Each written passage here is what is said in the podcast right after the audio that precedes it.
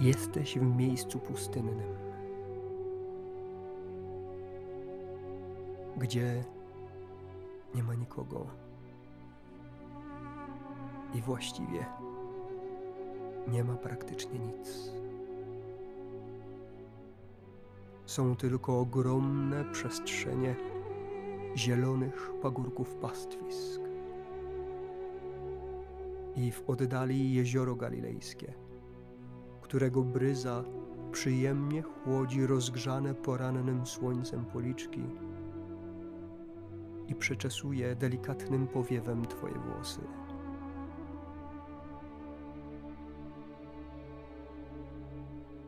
Jakże dobre miejsce na modlitwę. Jakże właściwa pora na modlitwę.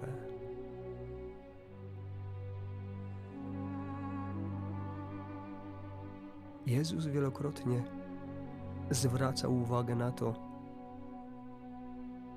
że ważnym jest też to, kiedy i gdzie się modlę. Sam często szukał właśnie takich miejsc, aby tam modlić się w cichości i samotności. Masz takie swoje miejsce.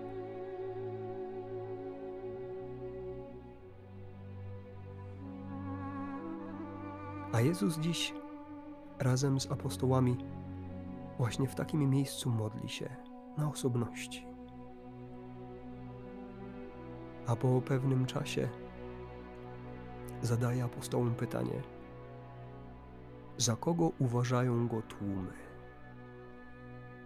A zadaje to pytanie krótko po tym, jak dokonał cudu rozmnożenia chleba i ryb, jak nakarmił tysiące ludzi jakby chciał zrobić pewnego rodzaju wywiad środowiskowy wśród apostołów, żeby dowiedzieć się, jakie jest o nim zdanie. Ale nie dlatego, że było mu to potrzebne do jego chwały. Po prostu chciał wiedzieć, czy ludzie zaczynają rozumieć, kim on naprawdę jest czy w Jego nauczaniu i w Jego znakach odkrywają obecność Syna Bożego, zapowiedzianego Mesjasza. Ale nie tylko ci Jemu współcześni, ale także i ja i Ty obecni. Rozpoznajemy w Jego słowie i w Jego znakach obecność samego Boga.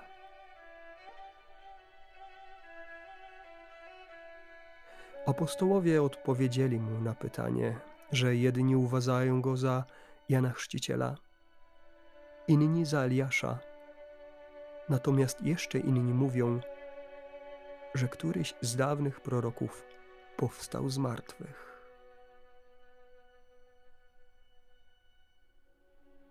Generalnie wszystkie te postaci są pozytywne. Czyli właściwie Jezus zawsze odbierany jest pozytywnie.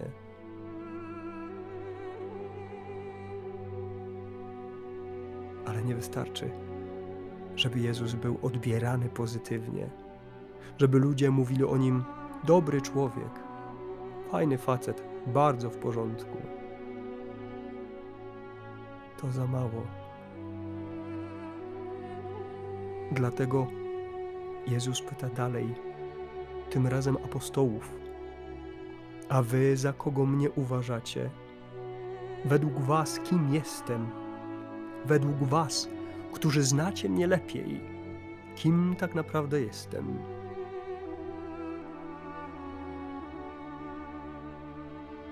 Za Mesjasza Bożego, odpowiedział Piotr, jakby w imieniu wszystkich. To była dobra odpowiedź.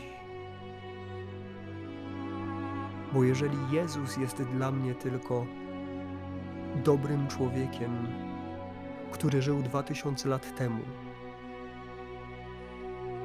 to rzeczywiście jest to za mało. Nie po to Jezus przyszedł na świat, abym go tylko wspominał jako dobrego człowieka. Dlatego Jezus pyta apostołów. Stawia to pytanie, bo ono jest fundamentem. Stawia też to pytanie przecież mnie i Tobie. Kim ja dziś dla Ciebie jestem? Czy tylko postacią historyczną? Bo przecież nawet ci niewierzący, żyjący w prawdzie, otwarci na prawdę, szczerzy, uznają, że Jezus był, bo to fakt historyczny. Ale też i przecież czytając nawet bez wiary Pismo Święte, Ewangelię, śmiało można powiedzieć, że był naprawdę dobrym człowiekiem, że całe swoje życie poświęcił dla dobra innych.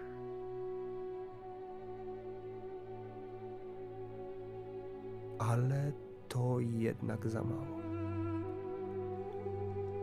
Dlatego Jezus pyta: Za kogo wy mnie uważacie? I potem, kiedy Piotr odpowiedział, że za Mesjasza Bożego surowo im przykazał i napominał ich, żeby nikomu o tym nie mówili. Zadziwiająca sytuacja, bo przecież chyba o to chodziło, żeby ludzie dowiedzieli się, kim jest naprawdę Jezus. Dostrzegasz zdziwienie i zakłopotanie na twarzach apostołów. Ale po chwili Jezus dodaje, że syn człowieczy musi wiele wycierpieć. Będzie odrzucony przez starszyznę arcykapłanów i uczonych w piśmie. Zostanie zabity, a trzeciego dnia zmartwychwstanie.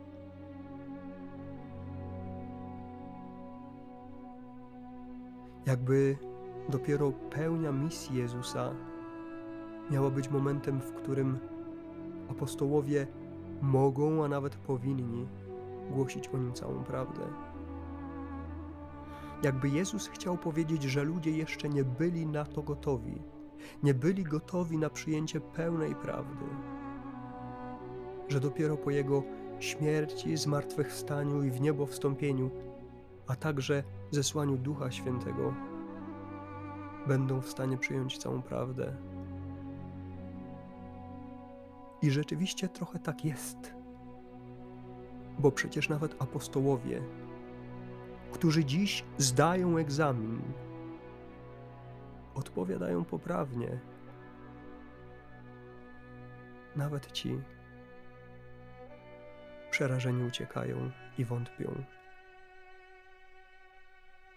Dopiero po spotkaniu z Jezusem zmartwychwstałym, po zesłaniu Ducha Świętego, otrzymują jakby pełnię mocy, jakby cały pakiet Bożej obecności, który uzdalnia ich do głoszenia, kim tak naprawdę jest Jezus.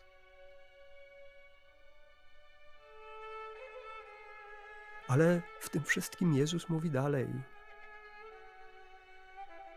Mówi o tym, że jeśli kto chce iść za nim, ma się zaprzec samego siebie ma każdego dnia brać swój krzyż i go naśladować. Bo ten, kto chce zachować swoje życie, straci je, a kto straci swe życie z mego powodu, ten je zachowa. Tracić życie z powodu Jezusa.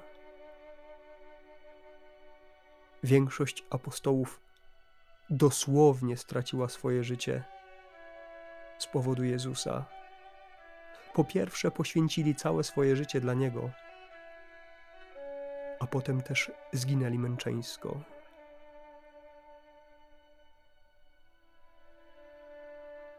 Ale to nie znaczy, że przecież ja mam całe swoje życie w pełni poświęcić dla Jezusa, czy też, że mam oddać za Niego życie.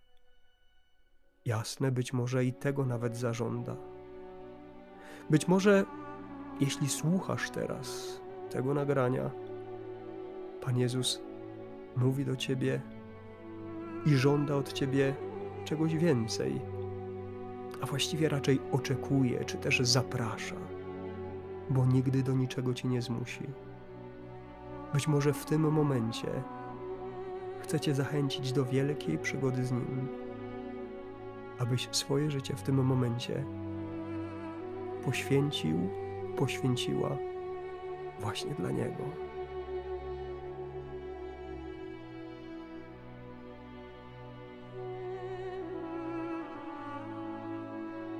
ale to poświęcenie to także przecież moja codzienność, przeżywana w perspektywie rzeczywistości wiecznej. Całe moje życie jako chrześcijanina ma sens, kiedy jest przeżywane w perspektywie rzeczywistości wiecznej. Że to wszystko, co dzieje się tutaj, dzieje się po to, abym mógł przygotować siebie i moich bliskich, tych, których Pan Bóg mi powierzył, do spotkania z Nim i znów z sobą razem w niebie, bo tam Jezus przygotował nam miejsce. Tam Jezus mnie zaprasza, tam Jezus na mnie czeka.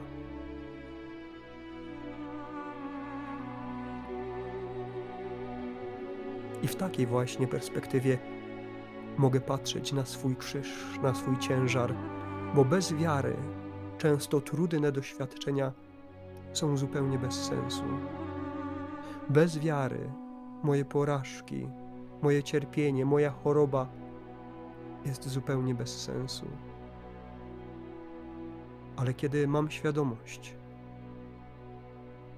że to może wszystko odłożyć się na rzeczywistość nieba, wtedy wygląda to zupełnie inaczej. Mogę traktować mój krzyż jako moją osobistą porażkę, ale mogę też traktować mój krzyż jako depozyt złożony w niebie.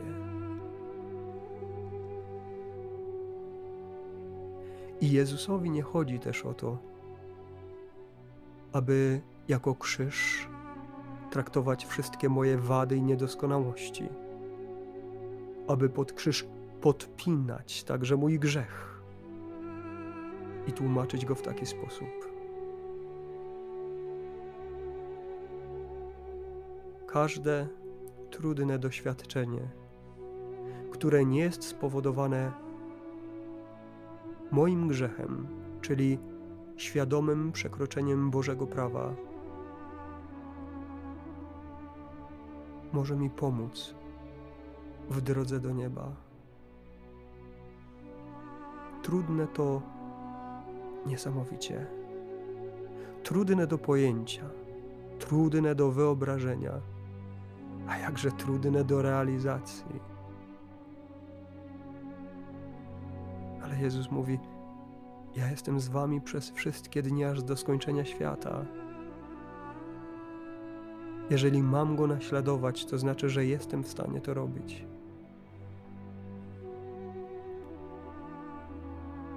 Panie Jezu, chcę dziś tak jak Piotr i pozostali apostołowie odpowiedzieć dobrze na to pytanie. Zdać egzamin dotyczący tego, kim jesteś. Odpowiedzieć w pełni świadomie z wiarą i przekonaniem, że Ty jesteś Mesjaszem Bożym, Ty jesteś moim Panem i Zbawicielem. Ale być może tak trudno jest mi to dzisiaj jeszcze w tym momencie wypowiedzieć. Uzdolnij mnie, Panie Jezu, do tego, abym potrafił pozytywnie odpowiadać na te wszystkie Twoje pytania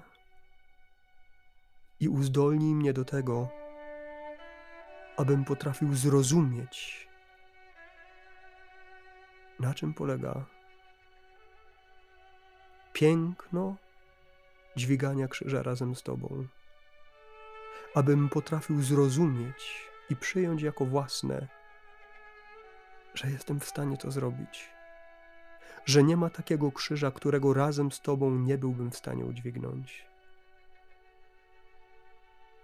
A jeżeli teraz, w tym momencie, dźwigasz jakiś krzyż, to też o tym krzyżu powiedz Jezusowi, chociaż On doskonale o nim wie.